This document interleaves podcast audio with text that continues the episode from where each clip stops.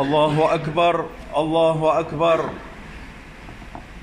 الله أكبر الله أكبر. الله أكبر الله أكبر. الله أكبر الله أكبر. الله أكبر كبيرا والحمد لله كثيرا. وسبحان الله بكرة وأصيلا. الحمد لله العظيم جلاله. الكثير نواله المبسوط في الوجود كرمه وإفضاله. حمدا يستمر تكراره في كل حين وتنتشر بركاته في الأيام والشهور والسنين. وتجدد به في أيام جمعنا وأعيادنا غوامر إسعادنا وإمدادنا. واشهد ان لا اله الا الله وحده لا شريك له شهاده معلنه بها اللسان ومصدقه بها الاركان والجنان واشهد ان سيدنا محمدا عبده ورسوله وامين وحيه الذي تعين على الامه تصديقه وقبوله اللهم صل وسلم على سيدنا محمد ما تنفس صبح المسرة عن وجه سعيد في كل جمعة وعيد وعلى آله وصحبه السالكين سبيله في كل وصف حميد وفعل سديد. أما بعد عباد الله أوصيكم ونفسي بتقوى الله الكلمة الجامعة والتذكرة النافعة ألا وهي الامتثال لما به الله أمر والانتهاء عما عنه نهى وزجر Alhamdulillah kita panjatkan puji syukur kehadirat Allah Subhanahu wa taala yang telah melimpahkan karunia-Nya kepada diri kita setelah Allah Subhanahu wa taala mewajibkan kepada kita semua untuk melaksanakan ibadah puasa di bulan yang sangat agung, di bulan yang dipenuhi keberkahan, di bulan yang sangat mulia di sisi Allah Subhanahu wa taala yaitu di bulan Ramadan.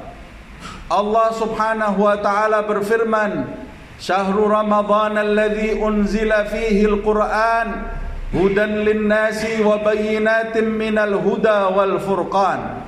Menjelaskan keutamaan bulan tersebut Allah mengatakan syahrul ramadhan alladhi unzila fihi al-Qur'an di bulan itulah yang mulia yang dipilih oleh Allah Subhanahu wa taala Allah menurunkan Al-Qur'an. Diturunkan oleh Allah Subhanahu wa taala dari lauhul mahfud ke baitul izzah ke langit dunia. Al-Quran kata Allah di dalam ayatnya hudan linnasi wa bayyinatim minal huda wal furqan. Yang di dalam Al-Quran tersebut terka, terkandung petunjuk bagi umat manusia dan penjelasan-penjelasan sebagai pembeda antara yang hak dengan yang batil pembeda antara hal-hal yang diridhai Allah dan hal-hal yang dimurkai oleh Allah Subhanahu wa taala. Al-Qur'an yang di dalamnya terdapat petunjuk bagi Allah Subhanahu wa taala jalan hidup bagi mereka yang ingin mencapai kemuliaan, bagi mereka yang ingin mencapai kebahagiaan, bagi mereka yang ingin mencapai keselamatan lahir dan batin, dunia dan akhirat. Allah turunkan Al-Qur'an itu di bulan yang dipilih oleh Allah yaitu di bulan yang agung faman syahida minkum syahra falyasumhu maka kalian hai umat Muhammad sallallahu alaihi wasallam siapa di antara kalian yang menyaksikan hilal di bulan Ramadan tersebut falyasumhu maka wajib bagi kalian untuk mengerjakan puasa menahan lapar dan dahaga menahan hal-hal yang bisa membatalkan puasa dari mulai terbit matahari sampai tenggelam di matahari selama sebulan penuh ayyaman ma'dudat selama hari-hari yang terhitung yaitu 29 atau 30 hari melaksanakan perintah Allah Subhanahu wa taala. Alladzi kutib yang telah difardukan oleh Allah Subhanahu wa taala bukan hanya kepada umat Muhammad sallallahu alaihi wasallam kama kutiba alal ladzina min qablikum seperti puasa ini juga pernah diwajibkan oleh Allah Subhanahu wa taala kepada umat-umat yang terdahulu la'allakum tattaqun agar kalian menjadi orang-orang yang bertakwa di sisi Allah Subhanahu wa taala. Allahu akbar. Allahu akbar. Allahu akbar. Maha besar Allah Subhanahu wa taala yang memberikan petunjuk tersebut ke dalam diri kita. La haula wala quwwata illa billahil aliyyil azim. Tidak ada kekuatan, tidak ada daya upaya kecuali dari Allah Subhanahu wa taala.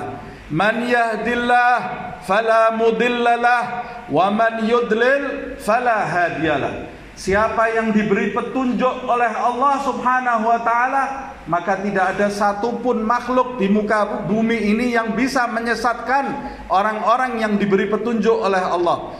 Tapi siapa yang dibiarkan tersesat oleh Allah Maka tidak ada satu makhluk pun di muka bumi ini yang bisa memberi petunjuk kepadanya. Na'udzubillah min dalik Alhamdulillah.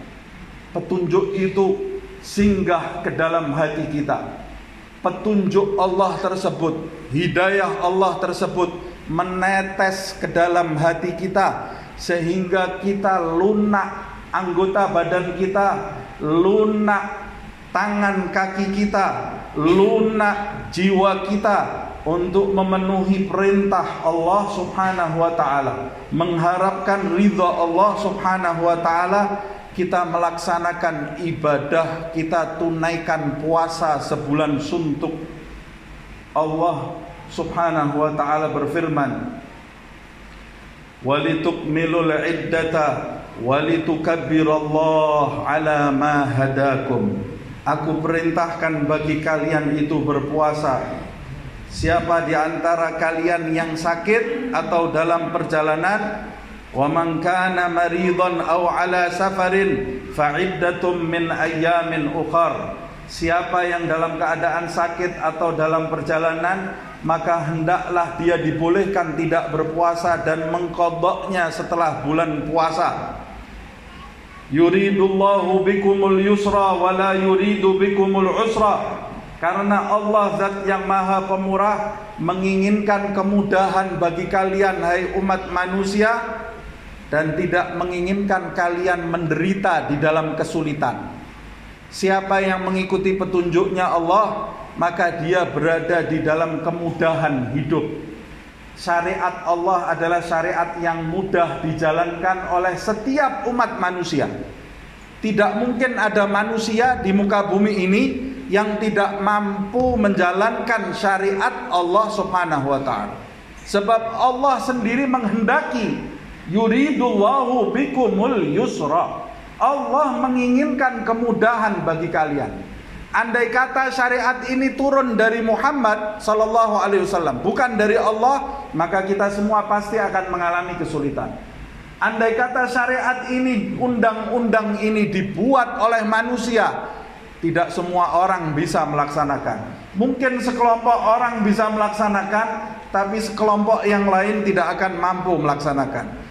Tapi undang-undang ini, syariat ini muncul dari Allah muncul dari lisan Nabi Muhammad wasallam sumbernya dari Allah Subhanahu wa taala yang menyatakan yuridullahu bikumul yusra. Allah menginginkan kemudahan bagi kalian. Maka tidak mungkin ada satu makhluk di muka bumi ini yang tidak mampu menjalankan syariat Allah kalau ada makhluk yang tidak menjalankan syariat Allah kesalahannya bukan pada syariat, syariat itu, tapi kesalahannya ada di dalam dirinya. ada di dalam hawa nafsu yang tidak mau dia tundukkan, ada pada pendengarannya yang selalu mendengarkan ucapan-ucapan pengaruh yang buruk, ada pada kehidupannya yang tidak menghindari pergaulan yang menyesatkan, ada pada persahabatannya kepada setan, walaupun di depan halayak dia seperti malaikat, tapi kalau di belakang dia bersahabat dengan setan, naudzubillah mendalik, maka setan pasti akan menyeret dia menuju kepada hal-hal yang tidak diridhoi Allah Subhanahu wa taala. Kemudian menjadikan telinganya, matanya, tangannya, perutnya, kakinya, kemaluannya semuanya mengarah menjauh dari syariat Allah lalu dia mengatakan syariat Nabi Muhammad ini begitu berat syariat Allah ini begitu berat. Allah yang menciptakan kamu mengatakan yuridullahu bikumul yusra. Allah menginginkan kemudahan bagi kalian. Allah yang lebih tahu apa yang sulit dan apa yang mudah bagi diri kita. Siapa yang menjalankan syariat Nabi Muhammad kata kata ahli tafsir Ayat ini menjelaskan siapa yang menjalankan syariat Nabi Muhammad wasallam yang diturunkan oleh Allah Subhanahu wa taala maka dia pasti bisa menjalankan ajaran yang benar. Yang kedua, pasti kehidupannya ada dalam kemudahan. Dia jauh dari kesulitan kalau dia menjalankan syariat itu dengan sepenuh hati bukan sebagai sambilan tapi dijadikan syariat itu sebagai jalan hidup bukan jalan untuk debat-debatan mana yang lebih benar saya atau kamu syariat Islam ini tidak diturunkan untuk bahan perdebatan syariat Nabi Muhammad SAW tidak diturunkan hanya untuk bahan diskusi dan seminar syariat Nabi Muhammad SAW tidak diturunkan hanya sebagai bahan kajian di majelis tapi syariat Nabi Muhammad SAW diturunkan sebagai jalan hidup yang bisa menyelamatkan kita, membahagiakan kita. Kalau kita jalankan dengan totalitas, udkhulu fisilmi kafah.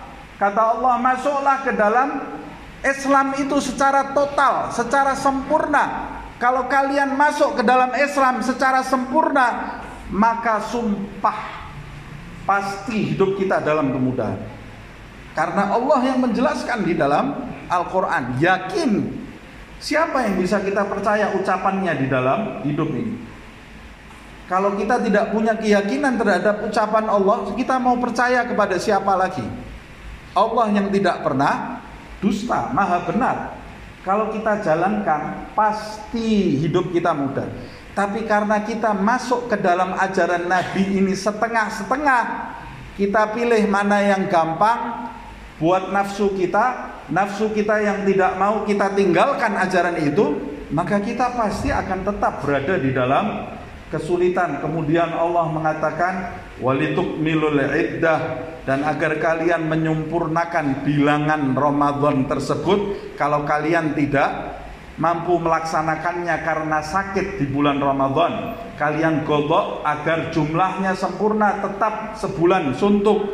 Wali tukabirullah ala ma hadakum. Dan agar kalian mendapati kenikmatan ini kemudian nanti kalian setelah melaksanakan bulan puasa itu tukabbirullah bertakbir membesarkan Allah Subhanahu wa taala. Makanya kemudian disunnahkan bagi kita untuk bertakbiran di malam hari raya dan sampai khatib naik ke mimbar mengucapkan Allahu Akbar, Allahu Akbar, Allahu Akbar, walillahil hamd seperti yang tadi dibaca berulang-ulang menjalankan perintah Allah bertakbir kita dari lubuk hati kita membesarkan Allah Subhanahu wa taala. Allah Maha Besar, lebih besar daripada segala sesuatu yang wujud di alam semesta ini. yang nomor satu harus kita perhatikan di dalam alam semesta ini, di dalam kehidupan ini adalah Allah Subhanahu wa taala. Sebab Dia adalah zat yang maha sayang kepada kita. Zat yang maha sayang, maha kasih kepada kita adalah Allah Subhanahu wa taala. Bagaimana kita berinteraksi kepada zat yang maha penyayang kepada kita dengan interaksi yang buruk, maka kita tergolong orang-orang yang tidak beradab nanti di hadapan Allah Subhanahu wa taala. Allahu akbar. Allahu akbar. Allahu akbar walillahil hamd. Alhamdulillah. Semoga Allah Subhanahu wa taala menerima amal ibadah puasa kita. Semoga Allah Subhanahu wa taala menampakkan ke dalam diri kita, di dalam kehidupan kita tanda-tanda terkabulnya puasa kita. Ini yang paling penting. Siapa yang diterima puasanya oleh Allah, sungguh dia termasuk orang-orang yang beruntung. Dan siapa yang tertolak, naudzubillah min dalik, yang selama bulan Ramadan mengabaikan waktunya, meninggalkan kewajiban-kewajibannya, lalu tertolak ibadahnya, maka dia adalah orang yang paling rugi di dunia ini paling rugi di dunia ini walaupun dia memiliki kekayaan sebanyak-banyaknya. Nauzubillah min dzalik. Semoga kita tergolong orang-orang yang diterima puasanya oleh Allah. Dan orang-orang yang diterima puasanya oleh Allah terlihat dalam pancaran wajahnya. Terlihat dalam kelakuan dan tindak tanduknya. Siapa orang yang diterima oleh Allah? Kita tidak tahu. Siapa di antara kita yang diterima? Mudah-mudahan semuanya diterima oleh Allah. Tapi bagaimana kita memastikan kita ini termasuk orang yang diterima puasanya atau tidak? Kita bisa melihat sekarang ini habis hari raya. Apakah kita masih tetap menjaga diri kita dari perbuatan maksiat? Kalau hari raya kita sudah bergelimang dengan maksiat, naudzubillah mendalik, apa makna dari puasa sebulan yang kita lakukan? Di hari raya kita sudah mulai meninggalkan perintah-perintah Allah. Na'udzubillah min dalik. Itu tanda-tanda puasa kita perlu dipertanyakan. Nah, jadi untuk melihat kita ini tergolong orang yang diterima oleh Allah ibadahnya atau tidak, lihat bagaimana interaksi kita kepada Allah setelah bulan puasa ini. Setiap hari kata seorang ulama, hari lebaran bagiku adalah setiap hari yang aku lalui tanpa perbuatan maksiat. Itu hari lebaran yang benar. Hari yang kita lalui di dalamnya ada maksiat itu bukan hari lebaran walaupun hari raya Idul Fitri. Kalau kita lewati itu dengan maksiat itu bukan hari lebaran. Nauzubillah mendalik. Hari lebaran itu hari di mana manusia membesarkan Allah Walitukabirullah ala ma hadakum. Itu hari lebaran yang benar. Semoga Allah Subhanahu wa taala menampakkan di dalam diri kita tanda-tanda diterimanya puasa kita di dalam jasad kita, di dalam hati kita, di dalam hubungan kita kepada Allah Subhanahu wa taala dan di dalam hubungan kita kepada semua makhluk Allah Subhanahu wa taala, terutama orang-orang yang di sekitar kita terhadap ibu kita, terhadap bapak kita, terhadap pasangan hidup kita, terhadap anak-anak kita, terhadap saudara kandung kita, terhadap kerabat kita, terhadap paman kita, terhadap tante kita, terhadap tetangga-tetangga kita, bahkan terhadap seluruh umat Nabi Muhammad SAW, bahkan terhadap binatang sekalipun. Kalau kita memiliki rasa rahmat, itu tanda-tanda puasa kita diterima oleh Allah sebab kita mendapat tetesan rahmat sebagai penutup. Rasulullah sallallahu alaihi wasallam bersabda ar-rahimuna yarhamuhumur rahman. Orang-orang yang punya sifat belas kasih di muka bumi ini orang-orang yang punya sifat belas kasih maka itulah orang-orang yang dirahmati oleh zat yang maha pengasih yaitu Allah Subhanahu wa taala. Jadi kalau kita mau tahu seberapa besar kadar rahmat Allah kepada kita, kita bisa cek kadar rahmat tersebut dengan meneliti seberapa besar kadar rahmat kita kepada makhluk Allah.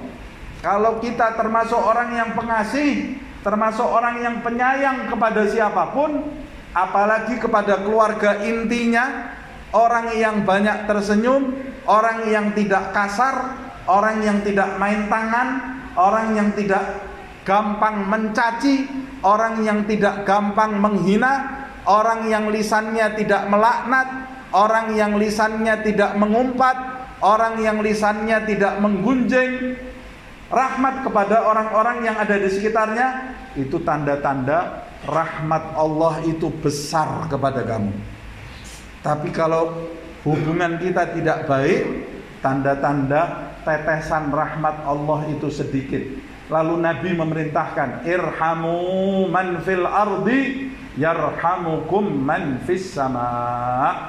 Rahmatilah semua manusia yang ada di muka bumi tidak peduli madhabnya apa, tidak peduli lebarannya hari Jumat atau hari Sabtu, tidak peduli pakaiannya seperti apa, bahkan tidak peduli agamanya apa. Karena Nabi mengatakan rahmati siapa pun yang ada di muka bumi ini yarhamukum man fis sama. Maka yang ada di langit akan merahmati kalian kalau Allah merahmati kita, maka hidup kita bergelimang dengan rahmat Allah, masuk ke dalam lingkaran Allah, maka kita termasuk orang-orang yang bahagia. Alhamdulillahirabbil alamin.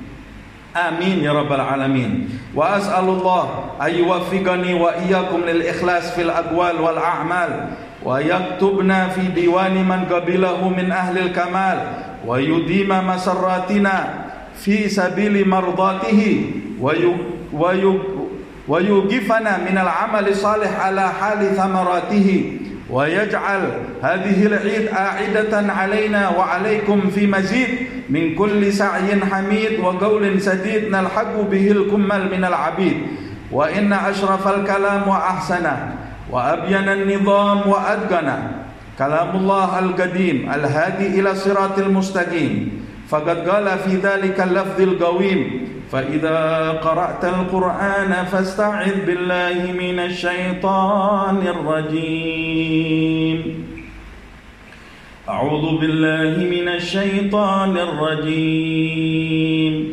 لقد من الله على المؤمنين إذ بعث فيهم رسولا من أنفسهم رسولا من أنفسهم يتلو عليهم آياته ويزكيهم ويعلمهم الكتاب والحكمة ويعلمهم الكتاب والحكمة وإن كانوا من قبل لفي ضلال مبين.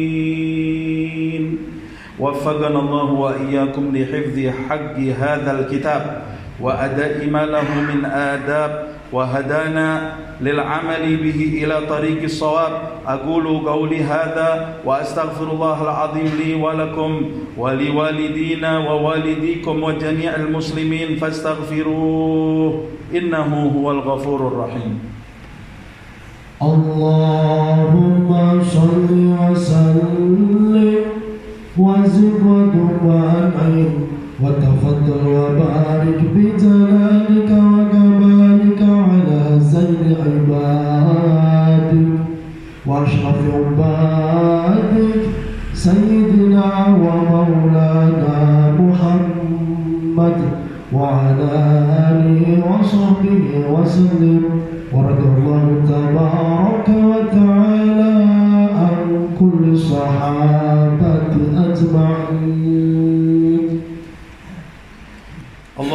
أكبر الله أكبر الله أكبر الله أكبر الله أكبر الله أكبر الله أكبر كبيرا والحمد لله كثيرا وسبحان الله بكرة وأسيلا الحمد لله العالم بما أسره العبد وأعلنه الكريم الذي خلق الوجود وأحكم صنعه وأتقنه وأشهد أن لا إله إلا الله وحده لا شريك له.